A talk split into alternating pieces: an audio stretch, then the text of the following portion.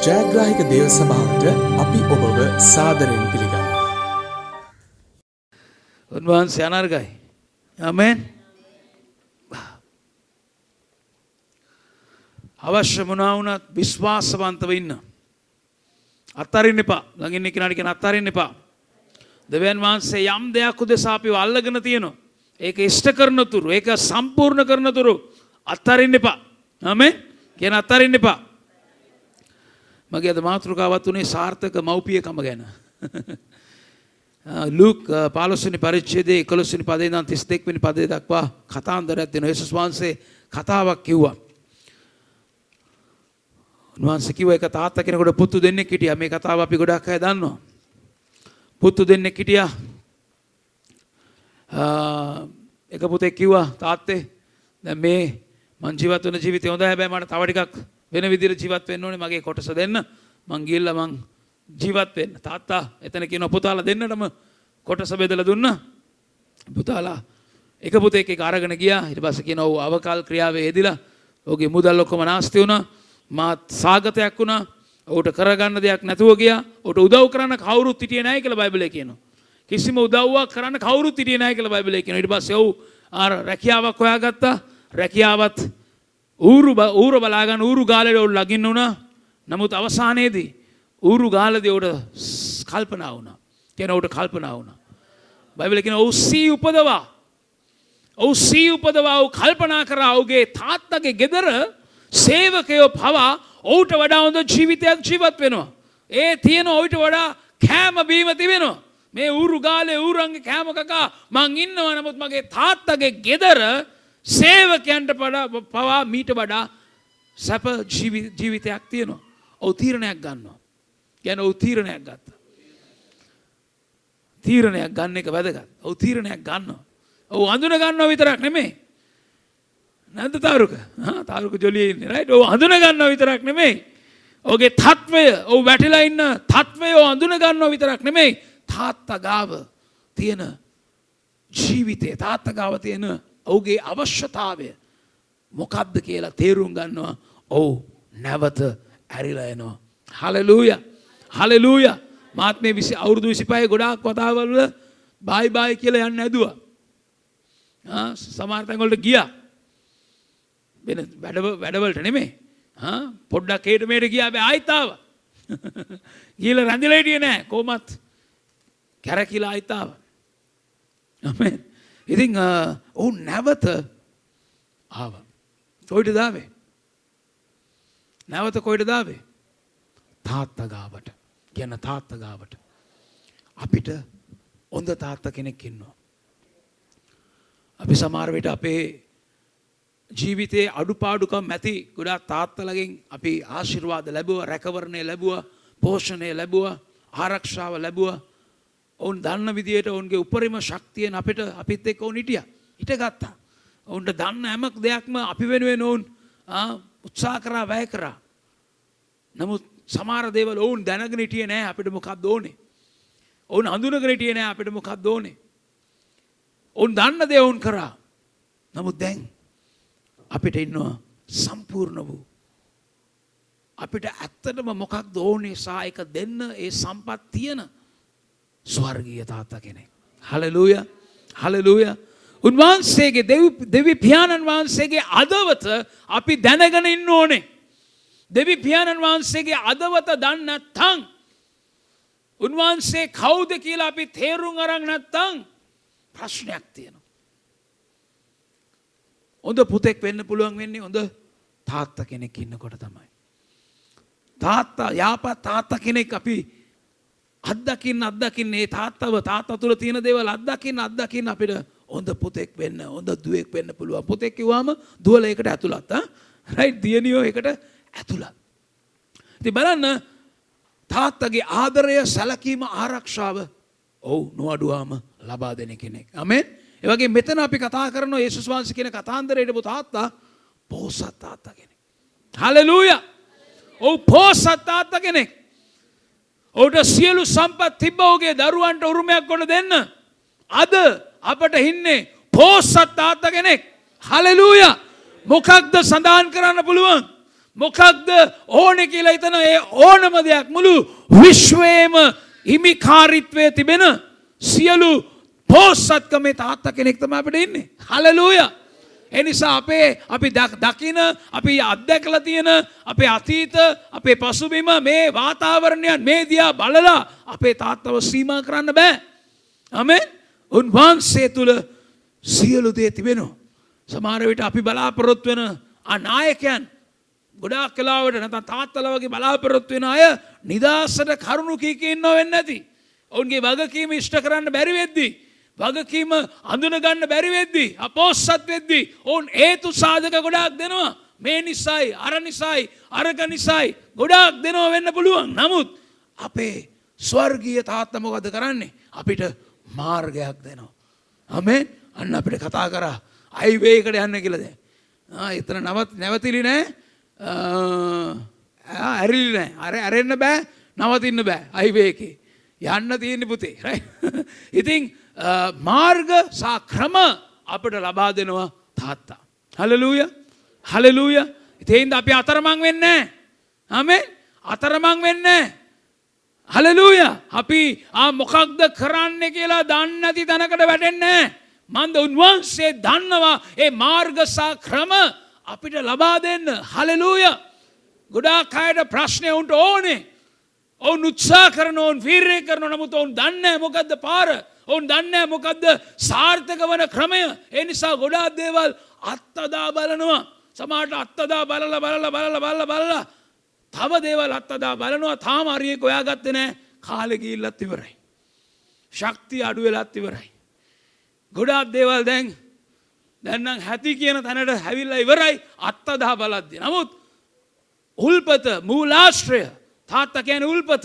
තාත්ත කෑන මූලාශ්‍රය. එතන්ට සම්බන්ධ වනානම් උල්පතර අපි සම්බන්ධ වුණොත් මොකද වෙන්නේ.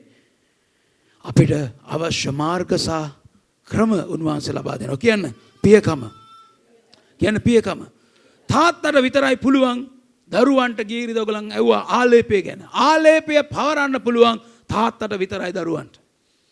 ආලේපය ගැන ඇකියාව පැවරීමක් ආශිර්වාදය ගැන ඇකියාව දේවල් කිරීමේ ඇකියාව පැවරීමක් මේ වචනය වැදගත්. පැවරීම. ඒක පවරන්න ඕනේ. පවරන්න ඕනේ පවරන්න ඕනේ පවරන්න ඕනේ. ඉදිකං හිටියට එන්න නෑ එක අත්ත බයක්නා කිරීම ගැන කතා කරතින් තාත්තට විතරයි පුළුවන් දරුවන්ට ආලේපය පවරන්න. ඔවු ලබාගත්තා ඔවු අල්ලගත්තාව තාත්ත ලැටියට අපිට වල්කීමත් තියෙන අපි මොකද අල්ලගන්නේ? අපි මොකද ලබාගන්න? ඒදේ විතරයි පවරන්න පුළුවන්. අපි තුළ තියෙන දෙයක් තමයි කැමැතියෝ අකමැතියෝ ගලාගෙන යන්නේ ඔවුන්ට යහපත්දේ වේවා අයහපත්දේව අපි තුළ තියෙන දේ තමයි ගලාගෙන යන්නේ අපි ආස කරන දේ අපි සීනමවන දේ යන්නේ නෑ එක අපි තුළ ගැබ්බුණොත් අපි තුළට ඇතුල්ලුනොත් ඒක දරුවන්ගේ ජීවිතයට ගලාගෙන යන පැවරදි තාත්තර විතරයි පුළුවන් ආලේපය පවරන්න. පියෙක් තමයි පුත්‍රයන්ට පුත්‍රයන්ට ඉරණමට යන්න නැත අභිලාස්සයට යන්න උදව් කරන්නේ. තාත්ත කෙනෙක් තුළින් තමයි දරුවන් ඔවුන්ගේ අනාගතයට ඔවුන්ගේ අභිලාස්සයට යන්න උදව් කරන්නේ තාත්ත කෙනෙක්. පටන් ගන්න එතනින් මූලාශ්‍රේකයි.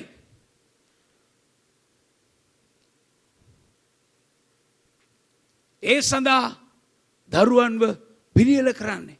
ඒ සඳහා දරුවන්ගේ අදවත්වල සම්පත් නැත්තම් බීජ පැල කරන්නේ. ඒ සඳහා දරුවගේ විශ්වාසය ශක්තිය ගොඩනගන්නේ. දරුවට ඒ සඳහා දකින්න පුළුවන් දේවල් මොකක්ද කියලා ඔවු යායුතු ගමන්මග මොකක්ද කියලා පෙන්නන්නේ තාත්තා. අම්මල තින්නව කොට සකරද.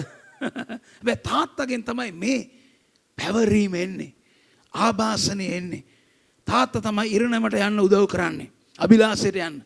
එතකොට පියෙක් තමයි දරුවකට ඇඳුනුම දෙන්නේ. අනන්‍යතාවය දෙන්නේ තමා කවුද තමා කවුද කියන අනන්‍යතාවය පෑදිලිව තාත්ත ලබා දෙනවා දරුවන්ට. නැත්තම් මොකද වෙන්නේ? ආ නැත්තං අපි ගයන්න වෙනවා. මොකදද? තවමත් ආනව බලනවා දැන් අපි කවුරුද? නේ? තාම ආනවලු තාම බලනවලු. අපි කවුද කියලා? කොච්චර කල් අපි අහා ඉන්නවද අපි කවුද කියලා තරින්දුම තරිඳුනේ රවිදු නමත් වෙන නමත් වෙනස් කරා තරින්දු රයිට් හානව බලනවා ගොඩාක් අය කවුද අපි කියලා. තාත්ත කෙනෙකුට තමයි පුළුවන් වෙන්නේ දරුවන්ට ඔගේ අනන්‍යතාවය. ඔහු කවුද. ඔගේ ජීවිතය මොන වගේ වටිනාකමක්ද තියෙන්. මොන වගේ බලපෑම් කිරීම ඇකියාවද්ද තියෙන්නේ. මොන වගේ ආස් තැනකට ගමන් කරන්න පුළුවන් ඇකියාවද තියෙන්නේ. ඔගේ අනන්නතාවේ ඔගේ ඇඳුනුම දෙන්නේ පියෙක්. තාත්ත කෙනෙ තම එක දෙන්නේ.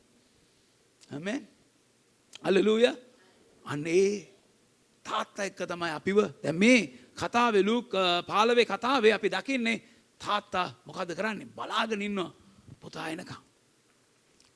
රයිට් එතන කතාන්දරේ තින්නේ තාත්තගේ ආදරේ පුතාට තියෙන තාත්තගේ ආදරේ. රයිට් පුතාගේ අනාගතයට යන්න තාත්තා ඔවුට ආශිර්වාද කරන්න බලාගෙන බට ඉලංකාරණාව තාත්ත කෙනෙක් තමයි අරමුණ පැදිලිව ලබා දෙන්න දරුවෙකුට. අරමුණ. ඕකේ මොකක්ද ජීවිතය අරමුණ? ඇයි ඉපදලා ඉන්නේ? මොකක්ද හේතුව?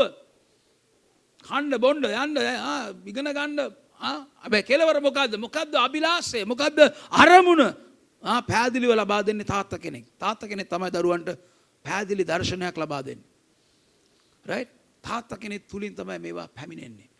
ඒකයි තාත්තගෙන් වෙන් වෙලා ඉටියෝත් අපි කෞද කියලා අපට දැනගන්න බැරුව යනවා. අපේ ජීවිතය අරමුණ මොකක්ද කියලා අපට දැනගන්න බැරුව යනවා. අපේ ජීවිතයේ දර්ශනය මොකක්ද කියලා අපට දැනගන්න බැරුව යනවා. අපිට ඇකියාව තියෙනවා. ඒ ඇකියාව අපිට පැවරෙන් ඒ ඇකියාව අපිට ගලාගෙන එන්න තියෙන අවස්ථාව නැතුව යනවා. නේද අපේ සංස්කෘතියේ කියනවන්නේ කවි සීපද දිකන්නේ ලෙවුන මදි කියල තාත්තලටනේ අපේ සංස්කෘතිය වෙන ආකල්පයක් තියෙන්නේ. දැන් අම්මල ගැන අපි අඩුවෙන් කතා කරනනෙමේ ආද ලෝක කාන්තාදිනයත් මංහිතන්නේ එට? ආරයිටට අම්මලා අම්මල ගොඩාක් වැඩ කරනවා. සමාර තාත්තලත් නැතුව අම්මල දෙගුණයක් වැඩ කරනවා. හැබැයි අපේ ජීවිතයට පැදිලි දැක්ම පැදිලි අරමුණ පැදිලි අනන්නතාවය මේවා එන්නේ තාත්තගෙන්. ඒක එතන සම්බන්ධතාවය අරි නැත්තං. එතන අපිට පැවරල නැත්තම් පැවරෙන්න්න ඕන දේවල්. අපිට ලැබිය යුතු සැලකිල්ල යොමුව අපේ අපේ පෝෂණය විතරක් නෙමේ අපේ කෑමබීම ඉදුම් මිටුම් ආරක්ෂාව විතරක් නෙමේ.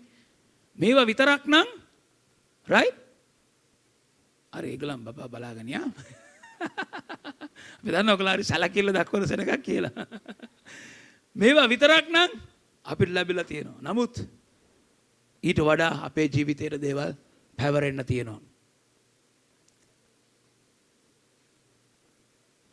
රයිට්. මව්පියන්ට පමණයි පුළුවන් දරුවන්ට උරුමයක් දෙන්න. මව්පියන් තමයි මුළු උරුමය පුත්‍රයන්ට ලබා දෙන්නේ. පියෙක් තමයි ආශිර්වාද කරන්නේ තමන්ගේ දරුවන්ට ගීරදුව මෙතරිට යන පාසමිචල් කිව්ව අද වෙනතුරු ඒස්ට්‍රයිලේ යුද සංස්කෘතිය ඔවුන් සතියකට එක වතාවක් හත තියලා ආශිර්වාද කරන. භාර්යාවට ඇයි භාර්යාවත් දරුවේ ඒක තව පන්තියක් තියෙන අපේ මේ කොළොස් වෙනද තව එකක් තියෙනවා විවාහ යුවල් වලට අපි එතනදී තව තවදුරටත් ඒක කතා කරමු. ජෝඩුව මෙන්න ඕනේ. රයිට්? ලංකාව ගෙන්න ගන්න නිරෝෂන් ලංකාවෙන් ඉන්නවා මෙතන මං කිව්වා ඔයාලට දැන්. රයිට්? දරුවන්ට අත තියලා ආශිර්වාද කරනවා. ඇකියාව පවරනවා. ඇය කවුද කියලා නැත්නම් ඔවුන් කවුද කියලා ප්‍රකාශ කරනවා. ආමෙන්. ඉතින් දෙවියන් වහන්සේගේ අදවත මොකක්ද කියලා අපි හොඳින් දැනගෙන ඉන්න ඕනේ. හොඳ තාත්ත කෙනෙක් අපිට ඉන්නවා. තාත්තව දන්නත්තං ප්‍රශ්නයක් වෙනවා අපිට. අලාභයක් වෙනවා. අඩුවක් වෙනවා. පාඩුවක් වෙනවා. අපේ අනාගතයට යන්න අපිට අපාසු වෙනවා. අමාරු වෙනවා. ආ දේවල් ගොඩාක් මාන්සි වෙලා ඔයා ගන්න වෙනවා. රයි් ඕක අපි තපට කිස්සරාට යන් පලනි කාරණාවමගේ දෙවිපියණන්ගේ අදවත දෙක පුත්‍රකමේ ආත්මය. පුත්‍රකමේ ආත්මය රෝම අටේ දාතර කියනවා බය උපදවන දාසකමේ ආත්මයක් නෙමේ දැන් අපි ලබල තියෙන්නේ පුත්‍රකමේ ආත්මයක් කියන්න පුත්‍රකමේ ආත්මයක් හලලූය අපිට අබ්බා ප්‍යානනී කියලා ලෙංගතුව උන්වහන්සේට තාත්තේ කියලා කතා කරන්න පුළුවන් පුත්‍රකමේ ආත්මයක් දැන් අපි ලබල තියනවා කියලා බයිබලය කියනවා. යොවන් යොවන් එකේ දොලා කියන සුදු යවන් පලනි පරිච්චේ දොලොස්සනි පදය කියන යම් පමණ දෙනෙක් උන්වහන්ස සදාගත්තෝද උන්වහන්සගේ නාමය නැත උන්වහන්ස පිළිගත්තද? ඔවුන්ට දෙවියන් වහන්සගේ දරුවන් ගැන දරුවන් දරුවෙක් වෙන්න බලය ලැබිල තියෙනවා. හලලූය! පුත්‍රයන් වෙන්න. දැ බලන්න මේ කතාන්දරෙත් අපි කෙන අකිකර පුත්‍රය කතාව කියලන්නේද මේ පුතා නැවත ඇරිල ආවම තාත්තා පුත් එයාගේ පුතා බවට පියා පුත්‍රකම අඳුන්වන සංකේත කීපයක් දෙනවා. පුත්‍රකම අඳුන්වන පුත්‍රයකුට තිබෙන ගුණාංග පුත්‍රයෙක් කවුද කියන එකට සලකුණු කීපයක් දෙනවා. ඉක්මට අපි බැලුවොත් පලවෙනි සංකේතය තම ඔොඳම සලුව නේද අවගලන් කියවල බලන්න වෙලානෑ අපට ඔක්කොම කියවන්න. පුතා ගෙදරට ඇරි ලාම තාත්තා මගටම ගිල්ලා ඔහුව වැළඳගන ඌරු ගඳත් තියෙන්න්න ඇති නමුත් ඔබ වැළඳගන තාත්තා ඉස්සල්ල කියනවා හොඳම සලුව ගෙනල්ලා අන්දන්න සලුවෙන් මොකක්ද සංකේතවත් වෙන්නේ විශිෂ්ටත්වය. නැතන් ධර්මිෂ්ඨකම. විශිෂ්ටත්වය. මේ මගේ පුතා. මෙ ඌරු බලාගන්න සේවකෙක් නෙමේ පුතානංකිවේ තාත්තේ මාව පොතෙක් කරට බාරගන්න එපා. මාව ඔබගේ වැඩකාරුවන්ගෙන් තවක් කෙනෙ කරට බාරගන්න ඒ ඇති මං දෙවියන් වහන්සේට ඔබටයි විරුද්ධව පව් කලා වැරදි කලා කියලා පිළිගත්තා. හැබැයි තාත්තා කියනවා හොඳම සලුව එක විශිෂ්ටත්වය. දෙක මුද්දක් දෙනවා තාත්තා. මුද්දක් ගෙනල පලන්ද වන්න කියල කියෙන මුද්දෙන් සංකේතවත් වෙන්නේ ආධිපත්‍යය. අයිතිවාසිකම. නේද? පවරණ ලද බලය පවරණ ලද පොලිස් නිලධාරයකුට පුළුවන් ප්‍රධාන පාරඉඳලා ලොකු කන්ටේනර එකක් වුණත් අධික් කළ නවත්තන්න. ඔවුගේ අත ඔගේ ඕගේ ඇඳුමත් එක්ක ඔවු ඉටගෙන නැවත්තුවොත් ඕ කොච්චර පොඩි වුණත් කොච්චර කෙට්ටුනත් ප්‍රශ්න ඔහු නැවත්තුවත් ඒ වාහනය නවතිනවා. එතුව ඔහුට අධිකාරී බලය තියෙනවා පවරණ ලද බලයක් තියෙනවා. අමේ ති මේ මුදුව ඒ බයිබල පරණ කිසුම් කාලේ රජවරු ගතේ මුද්දත් තිබ්බ. ඒ රැස් මුද්දක් ඒ මුද්ද තමයි සීල්ලක තිබ්බේ. රයි් ඒ මුද්දෙන් මුද්‍රාකරොත් වැඩ ඉවරයි. රයි් ඒක තීන්දුයි. ඒක තීන්දුයි. ඉතින් ආධිපත්‍යය බුද්ධෙන් සංකේතවත් වෙන්නේ පුත්‍රයකොට තියෙන අයිතිවාසිකම ඔබ වාල්ලෙක් නෙමෙයි ඔබට අයිතියක් තිබෙනවා. ඔබට නිදාස් ඊළඟට නිදාසෙන්නේ ඉක්මනට පැන්න එකයි. ඔබට අයිතියක් තියෙනවා බලයක් තියෙනවා. නමෙන් අයිතිවාසිකමක් පොඩ්ඩ පැදිලි කරන්න වෙලා ටිකක් මදි. අයිතිවාසිකමක් තියෙනවා. තුන පාවාන්. පාවාන් ඔවුට පලන්දවන්න කිව්ව. පාවාන් වලින් සංකේතවත් වෙන්නේ නිදහස්කම. ඒ දවස්වල වාලුන් පාවාන් ඇන්දෙන පාවාන් වලින් නැවත උවමාරු කිරීමක් සංකේතවත් වෙනවා. උවමාරු කිරීමක්. ආයිතවා මගේ පුත්‍රය කියලා සාතික කිරීමක්. නිදහස්කම ඒකෙන් සංකේතවර බලන්න පුත්‍රයෙක් වුණා මෙයා විශිෂ්ටත්වයක් කෙනෙක් ධර්මිෂ්ඨයෙක් කෙනෙක් ආධිපත්‍ය අයිතිවාසිකම තියෙන කෙනෙක් ඒ වගේම නිදහස් කෙනෙක්. ප්‍රීති උත්සවයෙන් කරේ නේද හොඳම සතාව මරලා ආ සාධයක් පැවැත්තුවා පිළිගැනීම හා ගෞරව දැක්වීම. පියා නැවත ඔව පුත්‍රකමේ තත්ත්වයට පත්කිරීමක් එතන සදාන් කරනවා. අපිත් දෙවන් වහන්සේ වෙතට එද්දී අවකාරයන් විඳලා නැති වෙලා අසරණ වෙලා අනාත වෙලා මේ වචන මතක තියාගන්න අපි හැරිල එද්දී අපි ගොන්වහන්සේ භාරගත්තේ කුලිකාරයේ දාසේ කැටිර නෙමෙයි අපි භාරගත්තේ වාල්ලේ කැටිර නෙමෙයි පුත්‍රය කැටියට අමෙන් අපට දුන්වහන්සේ විශිෂ්ටත්වය ධර්මිෂ්ඨකම ආධිපත්‍යය වගේම නිදහස උන්වහන්ස අපට දුන්න බයිබලය කියනවා කෙනෙක් ඒසුස් වහන්සේ පිළිගනෙදි ස්වර්ගය සමරනවා. දේවදූතයන් ප්‍රීති වෙනවා. මාත් සැමරීමක් තිබෙනවා. හලලූය. ඇයි? මා මේ තාත්ත කිව්වා නැතිවෙලා ඉඩපු මගේ පුතා මැරලා ඉඩපු මගේ පුතා දැන් ආයි ජීවත් වෙනවා. නැතිවෙලා ඉඩපු මගේ පුතා නැවත මට සම්බ වුණා. හලලූය. පුත්‍රකමේ ආත්මයක් උන්වහන්සේ අපට දීලා තියෙන්නේ. පුත්‍රකමේ අයිතිවාසිකමක් පුත්‍රකමේ නිදාසක් පුත්‍රකමේ තත්ත්වයක් අපට දීලා තියෙන්නේ. අමෙන් අමෙන් ඇයි මම මේක කියන්නේ? තව පුතෙක් හිටියා මේ තාත්තට. කියන්න තව පුතෙක් හිටියා. එයා අමතක කරන්න බෑ. අපි කියවල බැලුවොත් මේ අනිත් පුතා ගෙදරට එද්දී ඔහුට හැයනවාගේ ගෙදර ෆුල් පාටියක් සාධයක් සද්ද බද්ධ සිින්දුවේ මෑනෝට නේ සිින්දු ඇවුණ දුබින්දවට සිින්දු ඇයිල ඔහුගේ සේවක කනකාලාන මොකක්ද වෙන්නේ සේවකෙක් කියන ඔයාගේ සහෝදරයා ඇවිල්ලා තාත්තා අරි සුවද අරි ආදරෙන් ඔව පිළිගත්තා ආ දැන් සාධයක් පවත්වනවා ඊට පස්සේ එතන කියනවා ඔව් කිපී කියලා වචනය පාවිච්චි කරනවා. කියන කිපී. ඔව් කිපුණා කියලා කියන. ඔහුට තරහා ගියා. ඔහුට තරහා ගියා. තරහා ගිහිල්ලා ඔහු කියනවා මෙච්චර මං ඉන්නවා. මට එක එළු පැටියෙක් දුන්නේ නැහැ. සාදයක් පවත්වන්න. දැන් මේ පුතාවම මෙන්න ඔක්කොම දීලා බොරුවකුත් කිව්වා. ඇයි කොටස බෙදා දෙද්දි ඔහුට දුන්න ඔගේ කොටස. තාත්තා කියන ඔයා මෙච්ච ඔයා මගේ ගෙදර මාත් එක්ක ඉන්නේ. ඔයා කොහෙත් ගියේ නෑ. මගේ මේ මේ පුතා බෑ මැරිලා දැන් ජීවත් වෙනවා නැති වෙලා හම්බුණා. නමුත් ඔහුට තිබුණු මනසාකල්පේ ප්‍රශ්නයක් තිබ්බා. ඔහුට සියලු සම්පත් ඔහුගේ වටේම තිබුණා. තාත්තගේ ගෙදර ඔහු හිටියේ. තාත්තගේ ඒවා ඔහුට අයිති. එළු බැටලු සේවකයෝ හැම දෙයක්ම ඔහුට තිබුණා. හැබැයි ඔහුට ප්‍රශ්නයක් තිබ්බා. ඔහුට ප්‍රශ්නයක් තිබ්බා. ඔහුට අනාථකමේ ආත්මයක් තිබ්බා. අනාථකමේ ආත්මය එන්න පුළුවන් කිතුනුවන්ටත්. පුත්‍රකමේ ආත්මයට ඇතුල්ලුන් නැත්තං අනාථකමේ ආත්මයක් ඇතුව ඉන්න පුළුවන්. පුත්‍රකමේ ආත්මය ලකුණු තියෙනවා වගේ අනාථකමේ ආත්මයෙන් ඉඳීමේ ලකුණු තියෙනවා. පුත්‍රයෙක්ද අනාථ කමක ජීවත් වන කෙනෙක්ද කියලා. මගේ සටානෙ මන් දාලා තියෙනවා ප්‍රවේසම් වන්න. අද අපි එද්දි කඩේක ගාලා තිබ්බ ඩේන්ජරස් කියලානේ. මොකද්ද දන්නේ නැහැ. ගිල්ල බලන්න ඕනේ රයින්. ප්‍රවේසම් වන්න අනතුරුදායකයි. තාත්තා තරාතිරම් බලන කෙනෙක්ද අපේ තාත්තා? නැහැ. පෞල් පසුබිම අධ්‍යාපන සුසුකම් මේවා බල්ලද වැඩ කරන්නේ? නැහැ. උසමාත වල්ලද වැඩ කරන්නේ? නැහැ. නේද? කවුද කිව්ව උසමාත විස බීජ කියලා? නෑ ඒක වීලුවක් හරිද? යාපත් යාපත් දේ බලද වැඩ කරන්නේ? නෑ.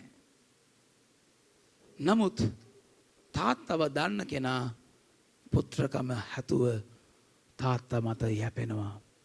තාත්තත් එක්ක රැඳෙනවා. ආමගේ මේ වීඩියෝ එකක් මන් දාන්න හිටියා. රසංගේ වීඩියෝ එක දාන්න නැතුව වෙන දිග වීඩියෝ එකක් දැම්මා. වීඩියෝ එකක් නැතුව ගියා. කමක් නැහැ දැන් වෙලා නැතුව ඒකයි වෙලාවනේ. ඔයගොල්ලන් දැකලා ඇති තප්පරා තප්පර ගානවල දාන්න බලන්න ටීවී ඇඩ්වර්ටයිස්මන්ට් එකක් තියෙනවා. තාත්තා කෙනෙක් නිවාස සැලසුම් කරනවා. නේද? ගෙදර ඉඳන් එයා ප්ලෑන් එක අදිනවා. පරිගණකේ දුව ඇවිල්ලා ආනවා තාත්තගෙන් මොනවද කරන්නේ? තාත්තා කියනවා මම ගෙයක් හදන්න සැලසුමක් අඳිනවා. දුව කියනවා අනේ තාත්තේ ඒ ගෙදර මේ වගේ කාමරයක් නම් හදන්න එපා. නේද? දාන්න කමන්නේ. මේ වගේ කාමරයක් හදන්න එපා කියලා. ඔන්න බලන්නකෝ.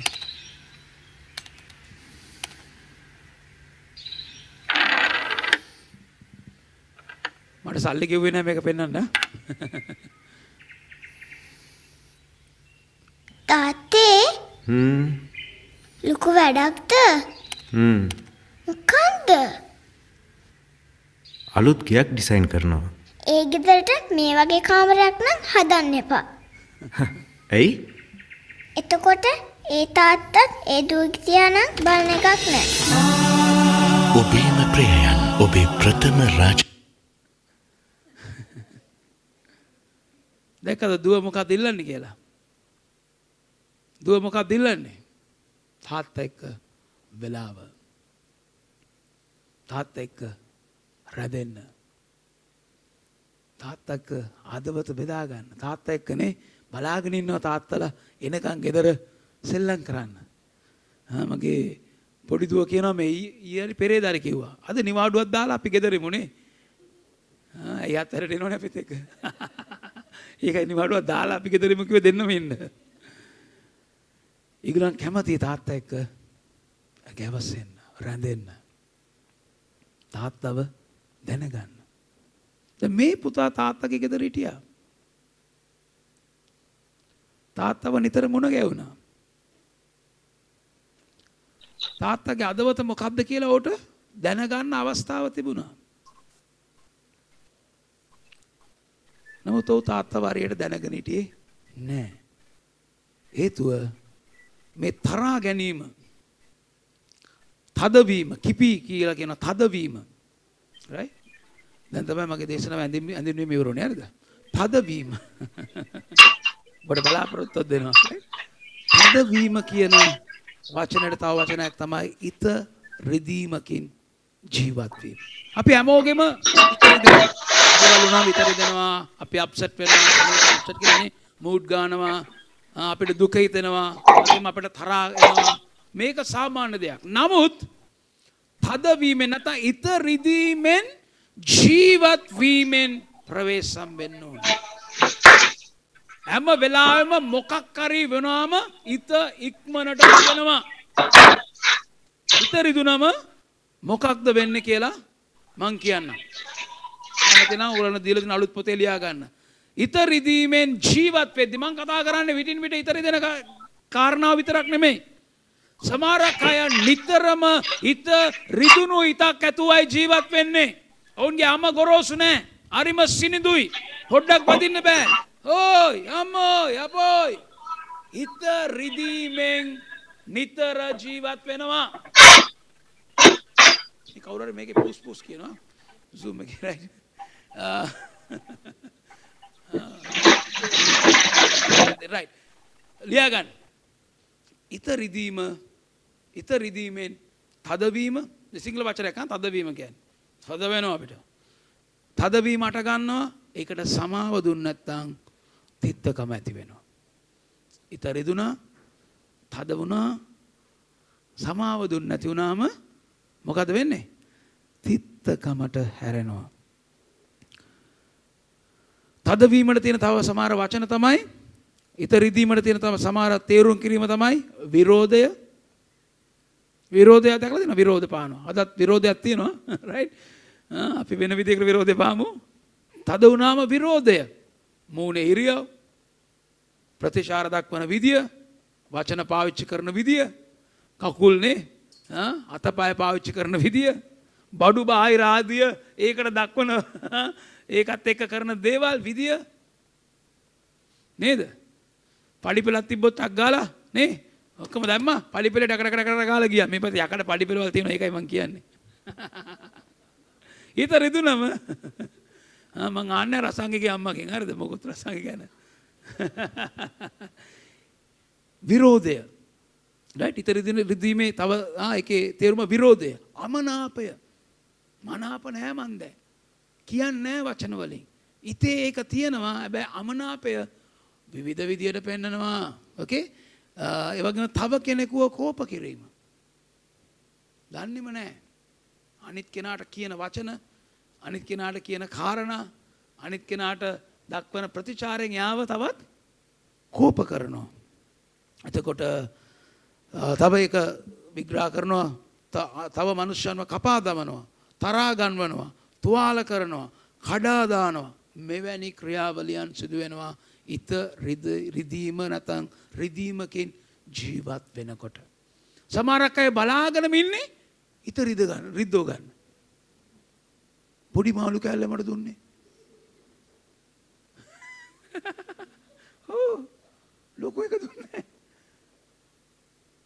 ඔව් මේ කෙනෙක් කිව්වා මට ප්‍රශ්නයක් ඇති වුණා. මා මොකුත් තිබුණ නැහැ යාට ප්‍රශ්න ඇති කරන්න. මාළු කෑල්ල ගැන ප්‍රශ්නයක් ඇති කරා මේ අපේ කෙනෙක්? ඇත්ත කතාවක් කියන්නේ. ඉතරි දෙනවා ගලන්ට බලාගෙන ඉන්නව ඉත අමනාප කරගන්න. රයිට් ඕකේ මේ ග්‍රීක වචනය මේකට දෙන පොඩ්ඩ මාත කිවසන්න හරිද? ග්‍රීක වචනය මේකට දෙන උගුලක් දමා තිබෙනවා. උගුලක්. සත්වල්ලන් උගුල්ලට වන්නේ. මේ ඉත රිදවීම කියන වචනට තියෙන තේරුම තමයි උගුලක් දාලා තියෙනවා උගුලට අවුනොත් මොකද වෙන්නේ? මස් තමයි. නේ? ඉවර තමයි. කුරුබාන් වෙනවා. උගුලට අව් වෙලා දැන් ගැලවෙන්න බෑ. පැටලිලා. පටලව ගන්නවා කියන්නේ ඒකනේ. නේ? පැටලිලා. ස්ටෙල්ල දන්නවද පැටලිලා. ස්ටෙල්ල දන්න. ලංකාවේ නෑ. ඔය ඩුබයි වල නම් ඒ. නේ ඒදි නම් දන්නවනේ. පැටලිලා රයිට් උගුලක් දමා තිබෙනවා අපි අමනාපකාරී තත්වයකින් එළියට එන්න ඕනේ අමෙන් අමනාපකාරී තත්ත්වයෙන් අපි එලියට එන්න ඕනේ.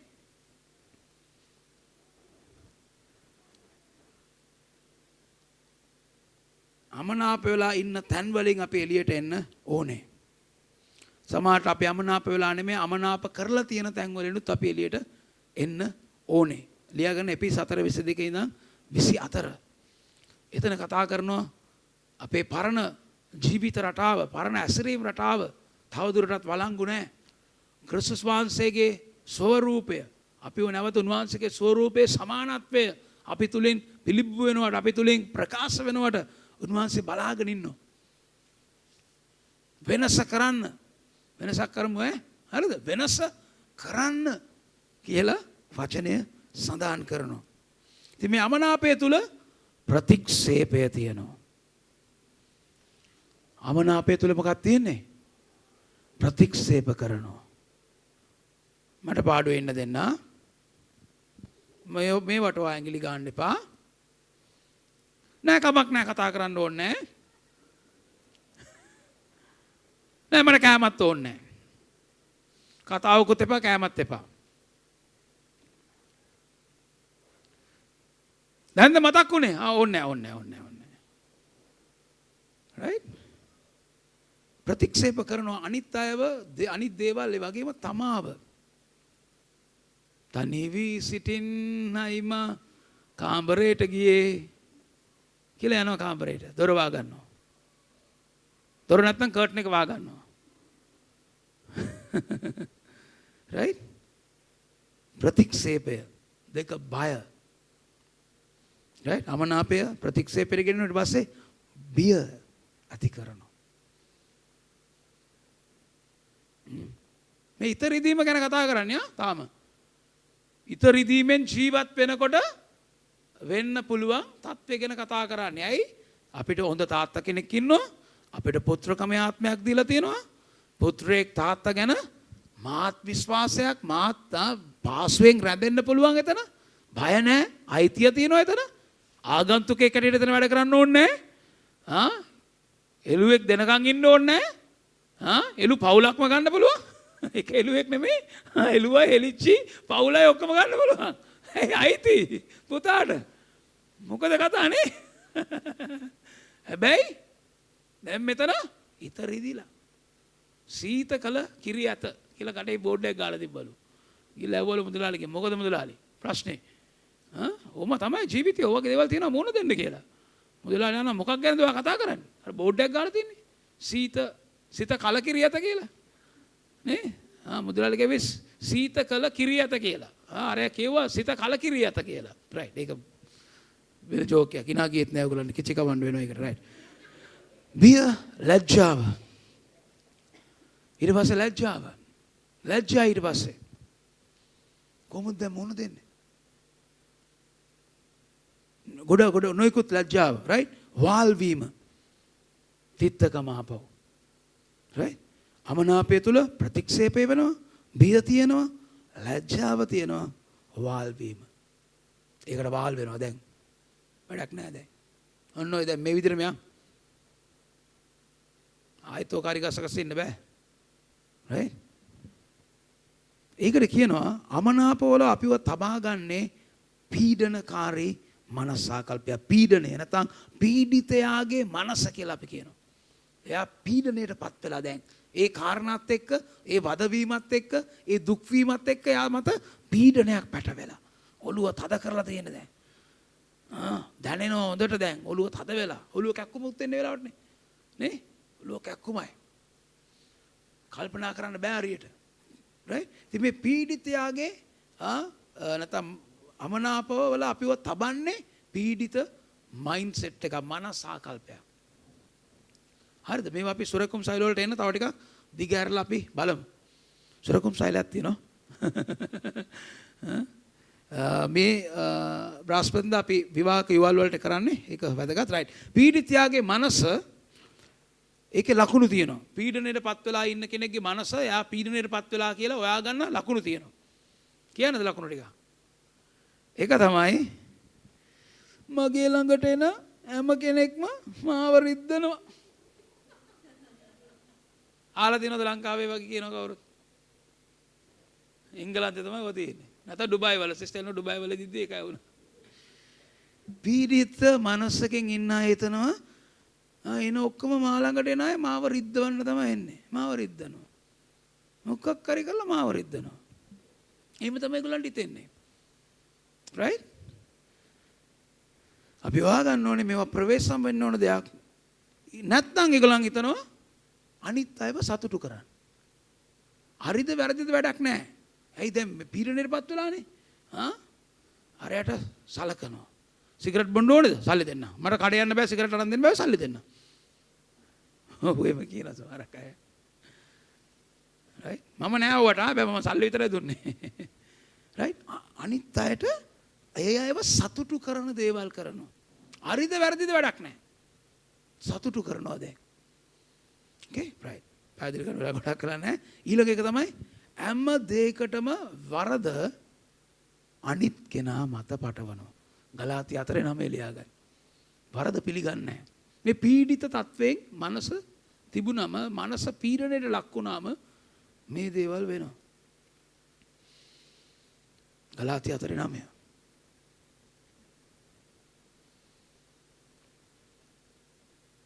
තේරුණාද ඔයගලන්ට මං කියන හදන දේ? අපිට හොඳ යහපත් තාත්තා කෙනෙක් ඉන්නවා.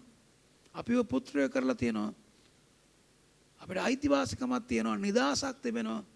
විශිෂ්ටත්වයක් තියෙනවා වටිනාකමක් තියෙනවා ආමෙන් ඒ කියන්නේ දේවල් වෙනස් කිරීමේ හැකියාව අපිට තියෙනවා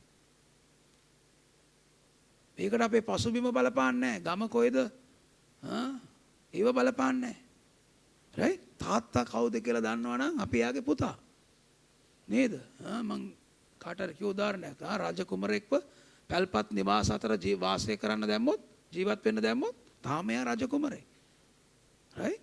එයා මීට කලින් BMW එක නම් ගියේ. දැන් යන්නේ මරුටි සුසුකි මරුටි එකක නම්. එයාගේ රාජ්‍ය පුත්‍රකම නැත්නම් රාජ්‍ය කුමාරයෙක් වෙන එක වෙනස් වෙනවද? නැහැ. මා එයාගේ වාහනේ නෙමෙයි ආව රාජ කුමාරයෙක් කරන්නේ. දැන් එයා අර වාහනේ යන නිසා ඒ වාහනේට වටිනාකමක් එනවා. අර මරුටි කියන්නේ කවුද? රාජ කුමාරයෙක් කියන්නේ. right? බජාජ් කියන්නේ කවුද? හැමතිතුමානේ යන්නේ බජාජ් එකේ. ඔව්. ඇමතිවරු යනවා ඊට උද්ඝෝෂණ කරන්න බජාජ් වල. නැත්නම් යන්නේ ඕකේ ඉතින් වටිනාකම එහෙම වෙනස් වෙන්නේ නැහැ. ඕකේ රයිට් ඉතින් අපිට බෑ අපේ උරුමය ලබා ගන්න පීඩිත මනසකින් ඉටියොත් පීඩනයටපත් වෙලා. ඉටියොත් අපිට උරුමය රයිට් අයිතිය දෙවියන් වහන්සේ අපිට ගොඩාක් දේවල් පොරොන්දු කරලා තියෙනවා අපි ආනවා සතිපත ආනවා වචනේ කියවනවා අනාගත වාක්‍යමය ලෙස අපට ප්‍රකාශ කරනවා. අනාගත වාක්‍යමය ක්‍රියාවන් කරනවා. හැබැයි අපි පීඩණයෙන් නිදහස් වෙලා නැත්තම් ඉත රිදීමෙන් එළියට ඇවිල්ලා නැත්තම් ඒ තුවාලේ සුව කරගෙන නැත්තම් රයිට් මම කියනවා ඒ තුවාලේ කිව්වේ කියලා. ඉතින් අපේ උරුමය ලබා ගන්න බෑ පීඩිත මනසකින් හිටියොත් මනස ආකල්පකින් හිටියොත් බලන්න මේ ඒබ්‍රේව වචනය දෙනවා මේ රිද්ද වීම රිද රිදවීම රිදීම ගැන ඒබ්‍රව භාෂාවේ මේ වගේ තමයි තේරුම් කරන්නේ. ඉස්සෙල්ලා කිව්වේ ග්‍රීක භාෂාවේ. රයිට් අද ග්‍රීක ඒබ්‍රව සිංහල ඔක්කොම තියෙනවා. හරිද? ඒකේ කියන තේරුම තමයි රෝගයක්. ඉත රිදවීම කියන්නේ ලෙඩක්. ළමයෝ ඉත රිදුනම එයා ලෙඩ වෙලා. ලෙඩ වුණාම මොනවද කරන්නේ? පොරෝගන නිදා ගන්නක විතරක් ඇද්ද? සමහර අය පොරෝගන නිදා ගන්නවනේ. මට ලෙඩ මට ලෙඩ මට ලෙඩ මට ලෙඩ මට ලෙඩ. සින්දු කියන ඉන්නවනේ. පැන්ඩෝල් දෙක දුන්නොත් ඕනේ මට ලෙඩ මට ලෙඩ මට ලෙඩ අර දෙනවා. ඒ සින්දුව. ඒ බීට් එක ගන්න පුළුවන්ද? රයිට් ඔව් එහෙම ඉන්නවා. රයිට් ඉතරි දිලා ඉතරි දිලා ඉතරි දිලා ඉතරි දිලා ලෙඩ වුණාම මොනවද කරන්න? ඕනේ බේත් ගන්න ඕනේ සුව වෙන්න. යාඥා කර ගන්න ඕනේ. බේත් ගන්න. නේ ඉස්සලා යාඥා කර ගන්න ඕනේ. බයිබලේ පොරොන්දු අල්ල ගන්න ඕනේ. හරි? ඉතින් රිදවීම කියන්නේ රෝගයක්. ලෙඩක්. ලෙඩ වුණාම ශරීරය මොකද වෙන්නේ? තරුණික? මා ශක්තිමත් වෙන එක පාටනේ අයන් මෑන් වගේ වෙනවද? ලෙඩ වුණාම. දුර්වල වෙනවා. කලාන්ත වෙනවා. හරියට පේන්නෙත් නැහැ කවුද ඔයා? අපේ ශවෙන් වගේ. මන් දන්නේ ඔයා. කවුද ඔයා කියලා අහනවා ඔයා අපෙන් හිටපු ගමන්. අපි අමිලට කියන්නේ ඔයා පුරුදු කරන්න ඉස්සරහට දේශපාලනයට යවන්න කියලා. ආ, දේශපාලන සුදුසුකම් තියෙනවා යට දැම්ම. ආන කවුද ඔයා? කවුද දන්නේ නැහැ මම රයිට් ඉතින් ඒක ලෙඩක්. ඕකේ දෙක ඒක වසංගතයක්. ලෙඩක් විතරක් නෙමෙයි දැන් කොරෝනා වගේ. අල්ලන්න එපා. ආ, අල්ලන්න එපා. බෝ වෙනවා. හිත රිදුනම ඒ වගේ හිත රිදින් රිදි- රිදි- රිදිච්ච දේ- දේවල් කතා කරන්න කැමති. අනිත් අයට ආ ඒකට ඒතු කතා කරන්න කැමති. ඒ වගේ අයට මේක දැන් බෝ කරනවා. දන්නවා දර නිරෝෂන් නම් අම් මේ ඒ ඉන්න නිකං සාන්ත කුප්පිය වගේ. නේ? ආ, මොකක් හරි. ආ? පරිස්සමෙන් එයාගෙන් ආ? ඉතින් මේ ආනෝ ඇත්ත මොක මොක මොකක් මොකක්ද එයා කරේ? ආ? වැඩිපුර සල්ලි ගත්තද? වාහනේ ගිහිල්ලා. රයිට් මොකක් කරේ ඒ ඒක බසංග දැක එක බෝ වෙනවා. ඒක පතුරවන්න පුළුවන්.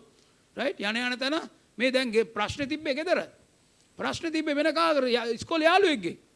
දැන් මේ ආ ගෙදර ඇවිල්ලා වෑන් එකේ ඇවිල්ලා බස් එකේ ඇවිල්ලා යන හැම තැනම එයා විරෝධය පාලා. බස් එක ඇති කොන්දොස්තර එකත් වලියක් දාගන්නවා. ප්‍රශ්නේ උනේ අරේ වැඩපොලේ නැත ඉස්කෝලේ. කොන්දොස්තරත් දැන් ඒකට අවුල් වෙලා. ඇයි ඒක වසංගතයක්? ඇයි තාම මූඩ් එක හරි ගිහිල්ලා නැහැ? හොරොප්පු මූඩ් එක. ආ සාමාන්‍යද ඇවිදින්නේ නැහැ. වෙන විදිහකට ඇවිදින්නේ. ආ වද්දගෙන ඇවිදින්නේ. ආ ඊට පස්සේ රිදෙනවත් එක්ක. රිදෙනවා තව තද වෙනවා. ආ තව කවුරුහරි උල් සපත්තුවකින් කකුලත් පාගනවා ඊට පස්සේ. බෝ වෙනවා. ඇයි යා ඒක අරගෙන යනවා හැම තැනම? යන යන හැම තැනම? එයා දිහා බැලුවම මේ වෙනද දකින්න කියලා නෙමෙයි නෙමෙයි මොකද වෙලා තින්නේ මෙයාට? නේ අනිත් ඇහනෝනේ මොකද මොකද වෙලා තින්නේ මෙයාට? ආ අපිට අදාළත් නැහැ. අපිට සැර දානවා නේ ආලා තියෙනවනේ අපිට සැර දානවා අදාළත් නැහැ. දැන් මම එතන ඉඳී හිටියේ හරියද මම එතන ඉඳලා තමයි ආ සමහර දේවල් ජය අරන් තවත් දේවල් ජය අරගෙන යන්නේ. ඉතින් මම දන්නවා. මොකද්ද මම කියන්නේ කියලා. හරි? රයිට් ඒක රෝගයක්. ඒක වසංගතයක්. ඒක ඇනීමක් පාරදීමක් පාර ගැසීමක් පොල්ලකින් පාරදීමක් මනුෂ්‍යයන්ගේ ඇඟින් රි- ඇඟීම් රිදවීමක් සලකුණු. ඒ කියන්නේ ඒකේ ලකුණු තියෙනවා. ඒවා දකිද්දී ඒ ලකුණු ලප කරගැට. ඒකේ ඉතිහාසය කියාපානවා. ඒක දකිද්දි මට මතකයි. ආ, මගේ කකුලේ තියෙනවා. කෙටේරියෙන් වැදිච්ච පාරක් ආ, අතු කපන්න ගිහිල්ලා බෝල ගන්න ගිහිල්ලා ආ, මැවුම් තුනක් දාන්න ඇඟිල්ල කැපුණු ඒ ලකුණු තියෙනවනේ. ඒ ලකුණු වලින් මතක් වෙනවා ඉතිහාසය. එදා රෑ. ආ, ගොන්තොරපොලට යන්න බෑනේ දැන්. ආ, දැන් පුළුවන් යන්න පුළුවන් රයිට් මතක් වෙනවා සිදුවීම සිදුවීම දිගේ යන්න පුළුවන් දැන්. සීනය දිගේ එන්න. ඔන්න හිත රිදීමේ තුවාලයේ සීනය දිගේ ඉන්න සමහරක් අය. සීන දකිනවා සීන මවනවා. සමහරට වැරදි එක්කෙනා එනවා සීන දකිද්දි. මෙයා හිතන්නේ අර සීන දකින එක්කෙනා තමයි මේ ඉන්නේ කියලා. හරියට පේන්නේ නැහැ මනුස්සයට. දැන් ඉන්නේ අරේ සීන ලෝකේ. වැරදි එක්කෙනා ආපු ගමන් බදා ගන්න එකපාරට. ඕ එහෙමත් වෙනවා. ඇත්ත මං කියන්නේ. පස්සේ තමයි දන්නේ පියවි සැරුණම අඩේ. ආ, මේ ඉත්තෑවෙක්නේ දැන්නේ කූරු වැනෙන්නේ මට. ඉතා කූරු වැනුන්නේ නැහැ බදාගන්නකොට ඉස්සල්ලා. ඇයි අර දැක්කේ මනසේ වෙන එක්කෙනෙක් හිටියේ? සීනේ හිටියේ. මේක ඉත්තෑවෙක් රයිට් රයිට් අපි ඉවර කරනවා. විනාඩි හතරෙන් ඉවර කරන්න ඕනේ ආ එකයි විස්තර ඉවර කරන්න ඕනේ මේ රිදවීම නැතන් තුවාල පරම්පරාවෙන් පරම්පරාවලට යනවා.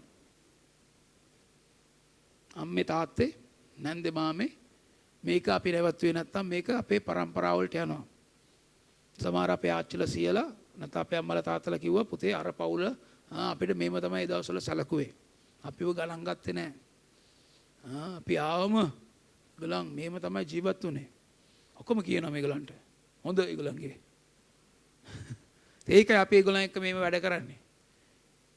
අපි වෙඩින් එකේ විතර හම්බ වෙන්නේ ඒගොල්ලන්ව. ආ නැත්නම් මල ගෙදර විතර හම්බ වෙන්නේ. මොකක් කරයි? පරම්පරාවෙන් පරම්පරාවට මේක යනවා. ලියා ගන්න ගීතාවල 109 21 සහ 31. ආ බයිබලයේ කතා කරනවා මේ වගේ තත්වයන් තුලින් යද්දී මේ වගේ තුවාලයක ඉඳිද්දී අපිට මිදීමේ සේවය ඕනේ. එතන ඇතුලේ තුවාල සමහරක් ඒවා සර්ජරි එකක් ඕනේ. බේත් දාන්න සුව කරන්න. සල්ල කර්මයක් කරන්න ඕනේ. මේක නිකං ක්‍රීම් ගාල හරියන්නේ නැහැ. බේත් බොන්න ඕනේ. ක්‍රීම් ගාල හරියන්නේ නැහැ මේකට. බේත් බොන්න ඕනේ. ක්‍රීමුත් ගානකම බේතුත් බොන්න ඕනේ සමහරක සුවෙන්. මිදීමේ සේවයක් ඕනේ. හේතුව මේ අ, මේක දැන් අපි කිව්වා තරා ති- ඉතරිදීම තදවීම අට ගන්නවා සමාව නොදී තිත්තකම ඇති වෙනවා. ඊට පස්සේ විරෝධය අමනාපය මේ ඔක්කොම කියාගෙන කියාගෙන ඇවිල්ලා මේක එනවා කම්පණයට. කම්පණයටපත් වෙලා. දැන් නිකන් මොකුත් දැනෙන්නේ නැහැ. උල්මලක් වගේ. ඇල උල්මලක් නැහැ. ෂොක් වෙලා. බය වෙලා ඉන්නේ. නැත්තම් දුකට සෝක සු- මූණ නිකන් එච්චර සෝකයක් ඒක වෙනස් වෙන්නෙම නැහැ. කම්පණයටපත් වෙලා. මොනවා වෙනවද දන්නේ නැහැ. මොනවා වෙයිද දන්නේ නැහැ. අම්මේ අපේ. සල්ලි නෙමෙයිද මේවා? Right. කම්පණයටපත් වෙලා තනිකම එතන තියෙනවා. දැන් මිනිස්සු ගොඩාක් ඉන්නවා. හැබැයි කවුරුත් ඉන්නවා කියලා එයාට දැනෙන්නේ නැහැ. තනි ඇතුලෙන් තනි. බැන බැන ඉන්නේ කාට හරි. අපි හිතන්නේ ප්‍රශංසා කරනවා කියලා සභාවේ. බලද්දි නැහැ. හරියට ආ එයාගේ මයික් එක විතරක් වැඩි කරලා බැලුවොත් නැහැ. බැන බැන ඉඳලා තියෙන කාට හරි. ආ? දාවිත් වගේ යාඥා කළා ස්වාමීනි මේ මිනිස්සුගේ දත් කඩන්න. ඔව් දාවිත් එමෙ යාඥා කරා. දත් කඩන්න කියලා යාඥා කරා. බයිබලෙ කිව්වේ දතර දතක් නේ. දත්. සමහරට එහෙම යාඥා කරන්නේ සමහරක් අය. සමහර උදාහරණ කියන්න පුළුවන් සමහරක් අය පුද්ගලිකව බාර ගන්න ඊට පස්සේ ප්‍රතික්ෂේප වෙයි. ආයෙත් ඉතරේ දෙයි. නේ ගුරුකම් ගැන එහෙම කිව්වොත් right. මේ ඔක්කොම යන්නේ බලන්න ඉතරිදීමෙන්. පටන් ගන්න එතනින්. ඒක බීජයක්, right? තනිකම කම්පණයට පත් වෙන. එළිදරව් 9 11 පදයක් තියෙනවා. ඒක ආ, ලියාගෙන කියවල බලන්න. එතන කතා කරන විනිශ්චයකාරයා කියන වචනයට. එළිදරව් 9 11 කතා කරනවා විනිශ්චයකාරයා කියලා. මේ විනිශ්චයකාරයා කියන වචනයට දීලා තියෙන තේරුමත් ඉතරිදීම කියන තේරුම. සා මරණයේ ආත්මයට සමාන කරනවා. මං කිව්වා පරිස්සම් වෙන්න භයානකයි. මේක මරණයේ ආත්මයට සමාන කරනවා. විනිශ්චකාරය. තනි වුණාම කලකිරුණම එපා වුණාම වැඩක් නැහැ කියලා හිතුනම කොහෙටද යන්නේ? ඊට පස්සේ. හ්ම්. නේද? වැරදි වුණා නැත්නම් ඒ වැරද්දේ අ, දොස් පැවරීම තිබුණම නේ? පොලිස් මාත්‍යෙක් බෙල්ල වැල දාගත්තා නේ? ආ? කාන්තාවගේ ඉස වෙන් කරලා වැල බෙල්ල වෙල දාගත්තා. ඒක තව ප්‍රශ්නයක්. හැබැයි මෙන්න ඒ වගේ තමාව සියදිවි ආනි කර ගැනීමට ගෙනියන්න තරම් සිත රිදීම තුල ජීවත් වීම. සිත රිදෙන්නේ නැහැ කියලා මම කියන්නේ සිත රිදීම තුල දිගින් දිගටම ජීවත් වීම භයානකයි. අමනාපය තුල ජීවත් වීම භයානකයි. ඒක මරණය මරණීය මරණයට මරණීය ආත්මයට සමාන කරනවා. අපට තුවාල වීමෙන් ඒ හින්දා අපේ තුවාල වීමෙන් අපි එළියට එන්න ඕනේ. නැත්නම් සුවයට එන්න ඕනේ. බලන්න අපි තුවාල වුණාම මම අවසන් කරනවා මේකත් එක්ක. අපි තුවාල වුණාම අපි එළියට එන්න අපහසු වුණොත් අපේ ජීවිතේ නැත්නම් අපේ මනසේ අපේ තීරණ ගැනීමේ හැකියාව අපිට නැති වෙලා අපි යකාට බාර දෙනවා. ශක්තිය නැහැ තීරණ ගන්න දැන්. එච්චර අපි රිදිලා ආමනාප වෙලා තද වෙලා ඔක්කොම වෙලා දැන් අපිට තීරණ ගන්න බෑ. අපි දන්නවා මේ අපි ගන්න තීරණේ වැරදි. ඔදල දන්නවා. හැබැයි ඒක ගන්න අපිට ශක්තිය නැහැ. අපි ගන්නෙම වැරදි තීරණය. ඔව් ඇත්ත ඔක්කොම ඇත්ත. ඒත්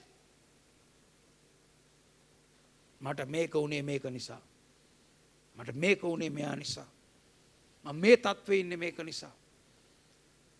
මගේ ජීවිතේ මේව නෙමෙයි තිබෙන්න තිබ්බේ. අපේ තීරණ ගැනීමේ හැකියාව අපි නැති කරගන්න පුළුවන් යක්ෂර දෙන්න පුළුවන්. ඒ නිසා අපි මේන් එළියට එන්න ඕනේ. උන්වහන්සේ අපට උදව් කරනවා.